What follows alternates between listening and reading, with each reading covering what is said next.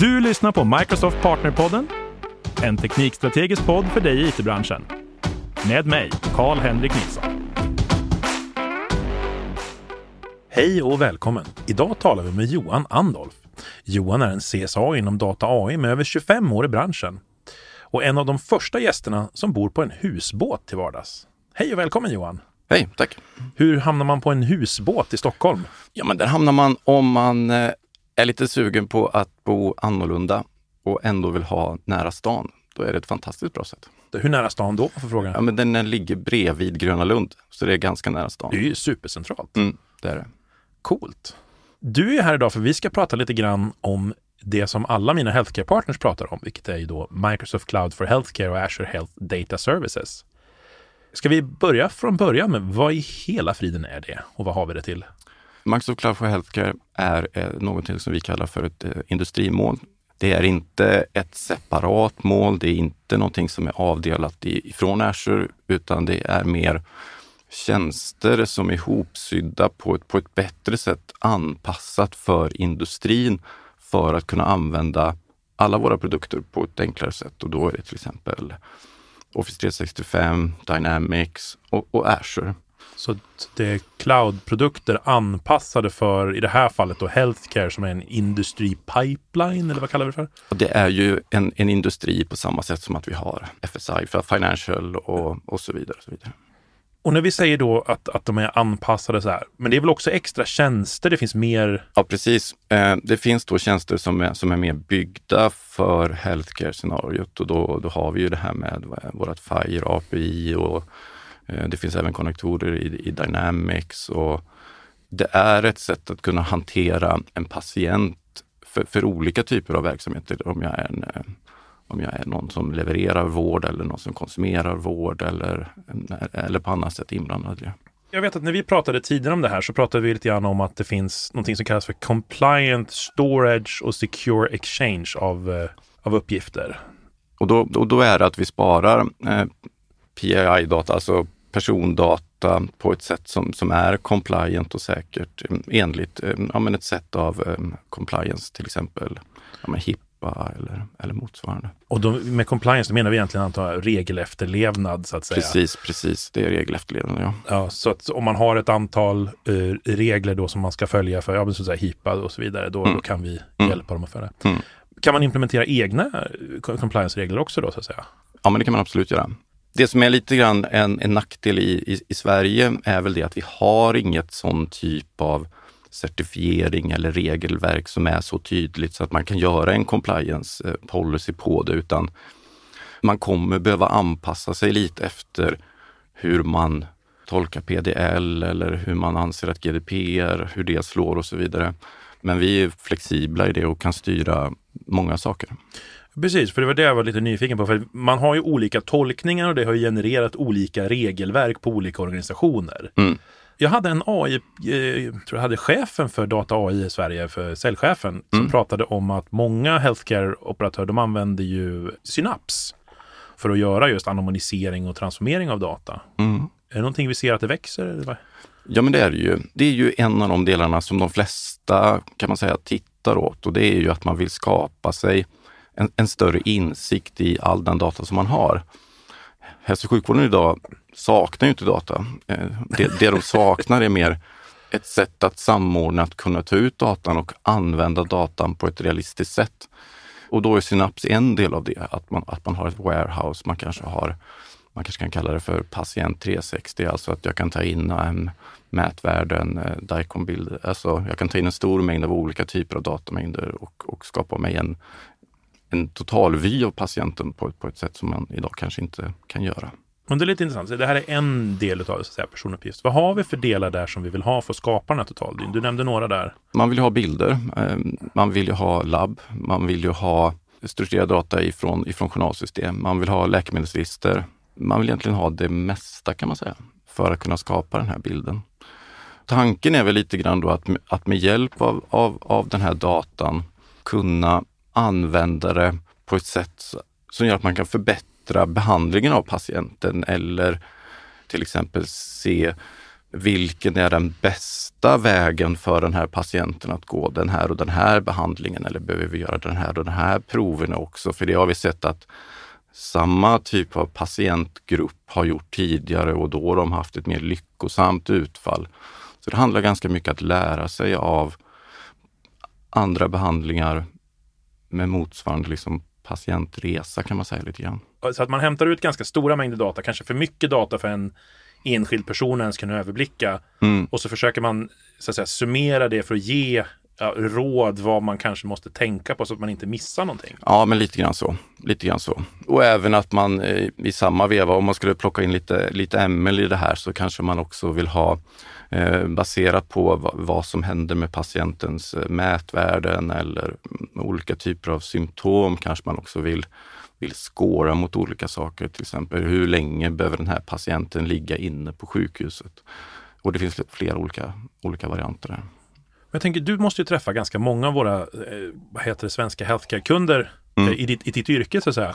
Om vi skulle titta på någon sån här typ av eh, gemensam eh, överblick. Vad, vad, är våra kunder på väg? Liksom? Vad är det som är hett just nu? Vad, vad satsar folk på? Vad... Ja, men det som är hett är väl eh, precisionsmedicin. Alltså att man kan skapa en mer unik behandlings väg för en patient. Alltså man går ifrån det där lite one size fits all, alltså att alla som har högt blodtryck får den här och den här och den här och den här behandlingen och sen så är det klart. Här, här kanske man vill då skapa sig eh, Dels att man tar in större datamängder det kan, och det kan vara lite allt möjligt. Det kan vara bilder, det kan vara genomics, det kan vara um, olika typer av saker. Och baserat på det så skapar man en mer unik uh, patientresa för att den här patienten ska få den bästa möjliga behandlingen. Sen ett annat område som är ganska hett, det är att hur kan man på ett säkert och etiskt sätt ta ut data för forskning? Och då är det forskning i akademin, men det är också forskning ifrån eh, exempelvis läkemedelsbolag. Vi vill ju ha läkemedel från läkemedelsbolagen och då måste vi försörja dem med data på något sätt. Och hur gör vi det på ett säkert och kontrollerat sätt? Det låter svårt faktiskt. Ja, det är svårt. eh, nej, alltså det, det, det, det, är både svårt och lätt. Vi har lite olika typer av koncept för hur, hur detta skulle kunna gå till och vi har ett koncept vi kallar för säkra forskningsmiljöer.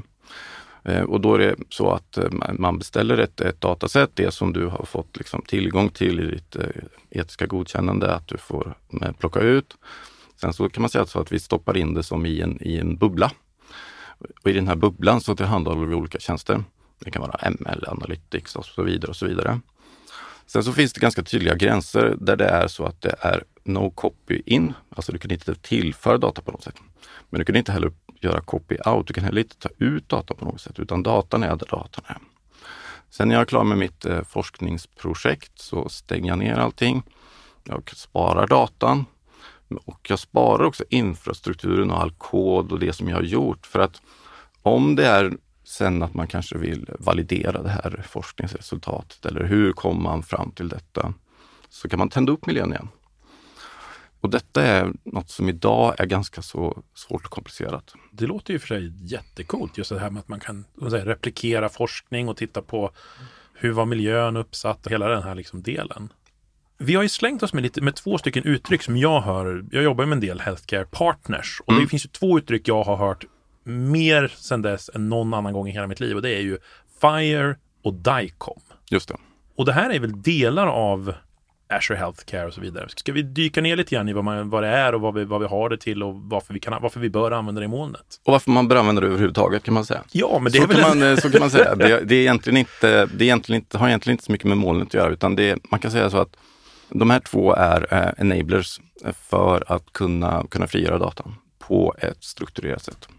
Och, och DICOM är ju då eh, ska man säga, formatet eller beskrivningen av bilder som man oftast har i någon form av VNA, alltså ett, ett storage med massa bilder och till det så finns det DICOM. Och den beskriver hur bilden ser ut och så vidare. Och så vidare. Det är den ena delen. FIRE är då den andra delen och FIRE är en vidareutveckling egentligen av eh, HL7. HL7 eh, är vanligt i USA, amerikanska journalsystem, de, de har använt det länge. Detta är egentligen en vidareutveckling av, av det. Och det är väl egentligen ett, ett kommunikationsprotokoll kan man väl enkelt beskriva det för om man ska försöka generalisera. Lite ja, generaliserar man lite grann så kan man säga att det är ett standardiserat sätt att, att ta ut datan i en struktur och man har en patient, man har ett besök, man har en behandling och så vidare. Och det är då uppdelat i sektioner så att man vet vilka fält som finns med och vad varje fält betyder. Och det gör då att man kan byta ut, utbyta datan med, med andra system som, som kan liksom stoppa i sig den här typen av data. Precis. Idag här... finns ju ganska mycket integrationer, mycket integrationer som är byggda med integrationsplattformar som är nere och joxar i databaser och tjänstelager och hitan och ditan. Och, och det är ju något som är ganska så betungande för många regioner att man har oerhört många integrationer. För man vill också ha integrationer mellan journalsystem, läkemedelssystem, man vill ha det till labb, man vill ha in labbsvar och så vidare. och så vidare. Det här skulle kunna vara ett sätt att kanske lätta den bördan lite grann. Och framförallt att man kan byta, utbyta data med, med andra också, alltså utanför sin organisation. Hur ska det gå till då? Man ska, kan man, finns de här integrationsmöjligheterna vi pratar om, det finns väl inbyggt i Azure Health Data Services? Eller? Ja, men precis. Då har vi där Azure API for Fire då, som, som, som är just en, ett, en, ett API där man eh, eh, strukturerat kan fråga efter datan, eh, men också att datan sparas. Så det är persistent storage även, även där. Då. Och därifrån sen kan man plocka ut data för Analytics, man kan eh, skicka den till någon annan. Man kan ha andra som frågar efter den. Man kanske har eh, läkare som tittar på patologibilder som sitter på Mallorca. Eh, då skulle det här kunna vara ett sätt att kunna liksom utbyta den här informationen på det sättet. Ja, just det. Man, man begär typ ett, ett extra utlåtande eller är det så att man till och med lånar personal av varandra? Eller framförallt så är det så att det finns ju en brist på vissa typer av eh, kompetenser. Eh, patologi är en sådan eh, och det har gjort att man har ja, skaffat sig underleverantörer som, som nödvändigtvis inte sitter inom sin region utan någon annanstans helt enkelt. Innan vi lämnar FIRE helt så här. Jag mm. lyssnade på någon sån här liten specialdragning under bild där de pratade om något som heter FIRE Converter. Mm. Om jag förstår det rätt så innebär det, och det kan jag tänka mig många healthcare partners kan vi inte säga, den kan alltså konvertera, nu får du rätta mig om jag fel, men kunde den konvertera HL7V2 till FIRE? Ja, precis. Det kan den göra. Så har man ett journalsystem som har den typen av eh, liksom, gränssnitt så har vi byggt en uh, pipeline som konverterar automatiskt till, till FIRE-formatet. Och då kan man stoppa in i vår tjänst. Uh, förutom vår tjänst i Azure så har vi också Azure API Fire Server heter den väl, som en open source-produkt som du kan köra on-prem. Så vill du inte eh, köra våran tjänst i molnet så kan du mycket väl köra den eh, on-prem. Eh, det kan ju vara så att man oftast kanske vill ha en Fire-tjänst on-prem där man har liksom, identitet och personlig identifierare och, och hela liksom kakan på något sätt. Och det vill jag inte ha i, i, i molnet av mängder av olika anledningar. Då kan jag ha den där, men sen så kan jag också välja att flytta över data och då har vi också en pipeline som är en anonymiseringspipeline där jag väljer att eh, ta bort de fälten som är personligt identifierbara. Den kan också till exempel eh, ändra ålder, eh, att den lägger till eller tar bort några år. Man är i ungefär samma härad, men det är inte den exakta åldern. Man kan också göra lite grann med, med, med postnummer och så vidare. och så vidare. Ja, man flyttar lite grann, det går inte riktigt att identifiera vem du är, Nej. men det gör ingen skillnad för din vård. Nej, och det gör framförallt inte någon, någon skillnad när vi pratar om analytics. Så, så har det liksom ingen, så, så vill jag liksom göra analytics så, så är det inte ofta superintressant om det är Kalle, Pelle eller Olle. Eh, det är tre. Mm. Och de här tre har hjärtproblem. Ja, det är intressant, men, men det övriga är liksom inte intressant i ett analysperspektiv då. Precis. Och det är inte intressant att de bor i en specifik del av Falun, men det är kanske intressant att de bor i regionen Dalarna. Ja, det är det. Tre som har ja, det är det. Ja, det är det. För om man vill göra liksom någon sorts komparativa liksom, eh, analyser mellan eh, personer som bor, bor inne i Falun eller som bor i någon annan ort, är det, är det olika utfall? Vad beror de här olika utfallen på? Eh, vilka behandlingar gör man? Och så vidare. Är det olika behandlingsprocesser eller då är det liksom värdefullt. Och det är också värdefullt när jag till exempel tar ut sådana här um, kohort för forskning. Då vill jag oftast ha åldersgrupp, bor i storstad och så vidare. och så vidare. har de här uh, läkemedlen insatta eller inte insatta och så vidare.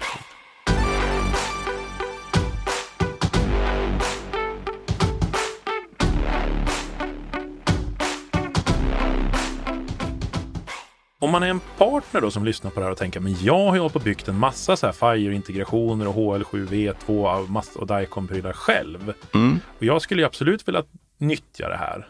Hur kommer man igång med det här ens en gång? Är det fritt tillgängligt på Azure? Är det bara att köra? Amen. Amen. Ja, eh, det är det. Man kan, man kan tända upp eh, en, en Azure Fire API-tjänst mm, och, och, där kan jag stoppa in eh, testpatienter.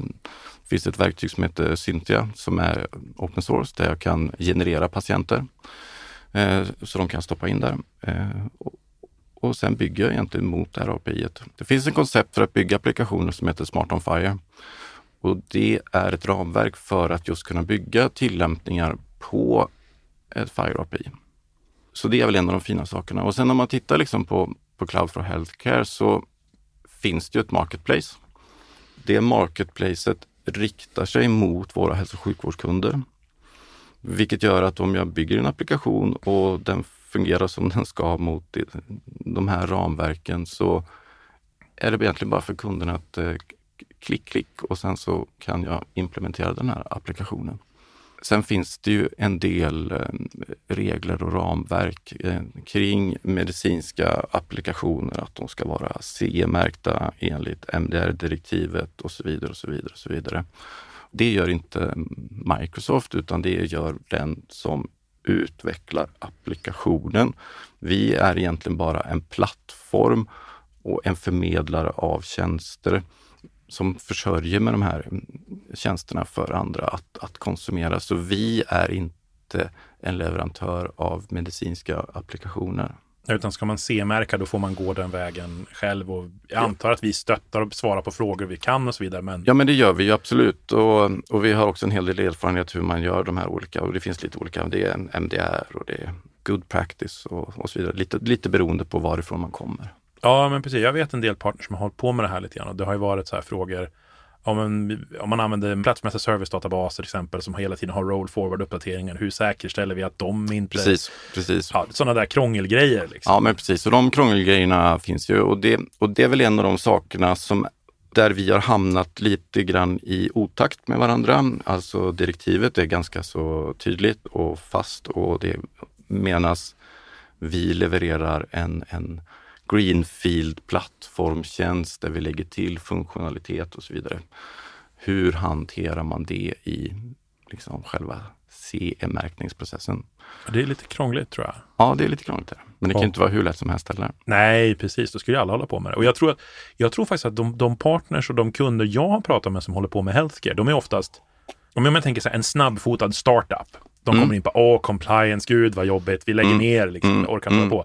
Men en healthcare startup eller en healthcare kundpartner, de är mycket, mycket mer, de vet det här. Det, ja, det de, är, de är betydligt mer tålig för att, jo, jo, men vi ska fixa regelverk och vi ska prata med advokater. Och, ja, ja. men absolut. Och det, man måste liksom ha ordning på torpet. Det är ändå medicinsk data. Det handlar i, i slutändan om liv och död. Det går liksom inte att bara äh, bränna igång grejer. Äh, utan äh, jag tycker bara att det är positivt att det finns de här ramverken. Alltså, hade det funnits mer strukturerade compliance-regler, hur data ska hanteras och så vidare, så hade det varit också mycket lättare för oss att, att nå upp till de målen. Nu är det lite grann ett, ett rörligt mål på vissa delar som gör att det är svårt.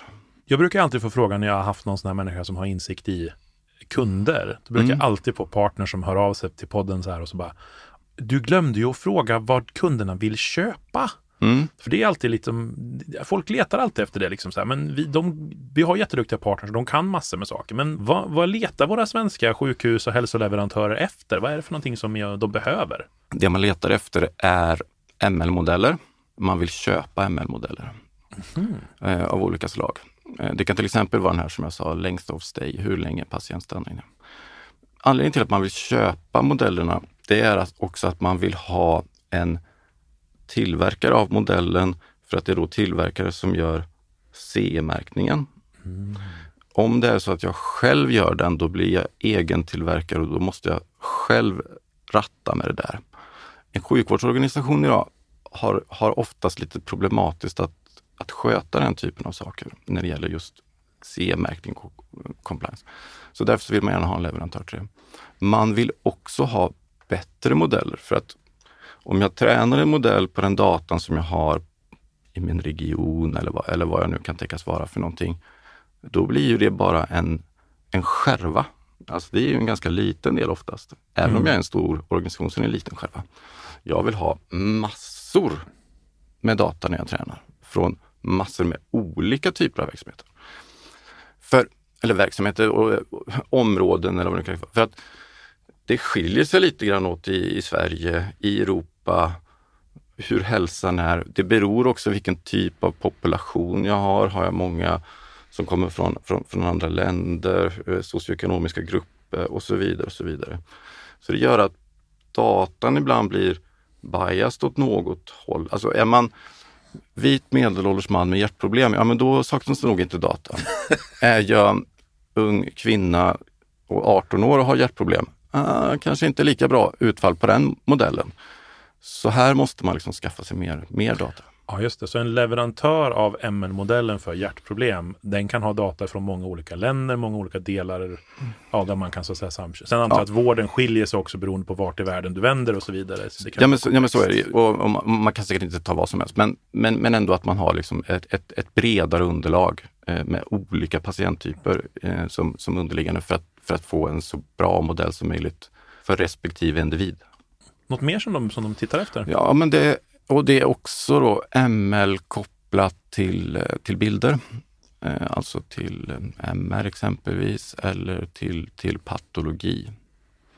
Kanske vi patologi, om det är någon som patologi lyssnar på det här och inte jobbar med är, healthcare. Ja, patologi är ju då, man tar sån här laboratorieprov, en biopsi kanske och så skalar man en tumör i massor, massor skikt och därpå så ser jag celler det man vill göra är kanske att eh, ringa in olika celltyper, beskriva, visa förlopp, hur det utvecklas och så vidare. Jag ska inte säga att jag är någon patologiexpert heller, men Vi jobbar det, lite. Precis, men det är gigantiska bilder också. Och det är väl också någonting som jag tror att man kommer börja försöka söka sig efter. Det är hur ska jag kunna ha så här mycket bilder? Det tar plats och det kostar pengar att spara det on-prem jag tror att man kommer behöva göra lasta av det till molntjänster på det ena andra sättet. Annars så behöver man börja gallra och det vore ju liksom tråkigt. Tror du det kommer bli så att de här som gör forskning kommer att erbjuda sig att hosta de här bilderna i framtiden om man på ett etiskt sätt kan göra machine learning på de här och sådana saker? Ja. Det hade varit ett litet intressant koncept. Om den som har nytta av dem kan alltså, acceptera en del av kostnaden så att säga. Ja men absolut, eh, det skulle man kunna tänka sig kanske. Eh, det, det kan bli spännande juridiskt sett men, eh, men jag tror ändå att, att man på något sätt behöver hitta ett sätt att lasta av bilderna. Och då är ju ja, Azure är ju liksom superbilligt i, i jämförelse med att ha egna skåp. Du, det här påminner mig om en grej som jag har glömt att fråga om. under bild, då såg jag lite demonstrationer på att man använde AI för att summera ihop hälsotexter. Alltså man tittade på kliniska eh, dokument och, och, och grejer gjorde saker. Vad kan du berätta om det? Det där är ju ett superspännande område och det, det är någonting som är riktigt, riktigt eh, kul. Och det är ju det att man då kan plocka ut fritext eh, från medicinska noteringar i en databas. Det kan vara pdf-dokument, det kan vara ja, men egentligen vad, vad som helst där det liksom är fri text kopplat eh, till ett patient. Eh, det vi, det vi kan göra då är Först så kan vi skicka den igenom någonting som heter Presidio som är en tjänst som, som jag byggt. Den finns i Databricks, den finns som en webbservice, en open source. Den använder NLP för att identifiera vad som är eh, personinformation. Eh, vi kan sedan skicka vidare den här till någonting som heter Text Analytics for Health. Det den gör där då, det är att den plockar samman det här är en, ett läkemedel, det här är en diagnos som hör ihop med eh, den här patientens beskrivning och så vidare. och så vidare. Den, den sätter då taggar, eh, ICD-10-kod eller vad det är. Så att, och sen så skapar man ett, ett FIRE-dokument av detta.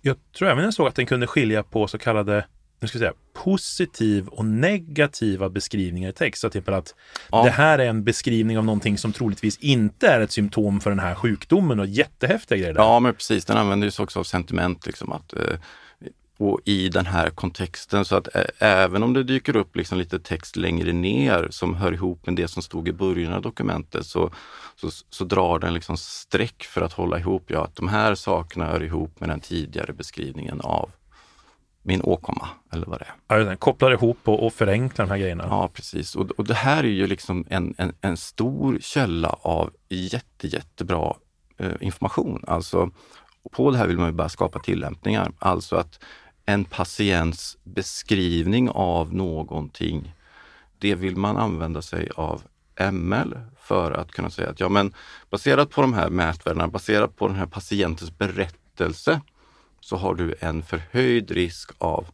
cancersjukdom. Mm. Då åker du ner i snabbspår för ytterligare tester. För man vill hitta cancer så tidigt som möjligt för att kunna få en lyckad utkomst. Ja, just det, så det här behöver inte bara vara stöd till läkare utan det kan även vara stöd till att prioritera det i sjukvårdsköer och sådana här grejer. Ja, men absolut. Ja, men vad smart. Så det är, det är superspännande. Den finns just nu bara på engelska. Eh, vi, vi jobbar med, med, att kunna få fram en, en, en, svensk version av den här också. Eh, ja, men det är ett av de, vad jag tycker, de mest spännande områdena just nu. Vart skulle du säga är det bästa stället att hålla sig uppdaterad när man ser när det kommer på svenska? Vi kan lägga med en länk till Text Analytic for Health och där står det. Och, ja, så det, det lägger vi med i noteringarna. Det gör vi. Om vi, om vi försöker summera ihop vad vi mm, egentligen pratar mm. om här. Det finns ju ett, ett moln för healthcare och den, den, den kan man koppla ihop med nästan vad som helst på Azure. Allt från Synapse till Databricks till machine learning-produkter och, och våra partners vill köpa machine learning on tap egentligen. Det vill man göra. Jag tror också att man, om man är duktig på analytics och kan bidra med analytics-kunskap som ändå är ganska nära hälso och sjukvården så tror jag också att det finns en oerhört eh, fin framtid. Eh, för analytics kopplat till patientdata eller data kring personer, det, det är ganska svårt. Eh, helt klart. Ja, ja, det är en stor utmaning de har. Mm. Och det här kan man sedan då sälja via Microsoft Healthcare Marketplace. Precis. Jag tänkte vi försöker lägga med lite länkar till de här. Vi har pratat om ganska mycket grejer. Vi har Fire, Dicom, mm. vi har pratat mm. lite, vad heter mm. det, Microsoft Cloud for Healthcare. Vi försöker lägga med mm. lite länkar. Ja, men det kan vi absolut göra. Och lite HL7 eh, standarden, alltså var, varifrån det, det här kommer. Och man kan också läsa lite grann hur, hur Fire fungerar och hur det hänger ihop. Så folk lite att göra, tills man förstått det. Ja, precis. du, jättestort tack för att du kom och pratade lite Healthcare med mig idag. Tack så mycket. Du har lyssnat på Microsoft Partnerpodden med mig, Karl-Henrik Nilsson. Som vanligt hittar du information och resurser på aka.ms partnerpodden.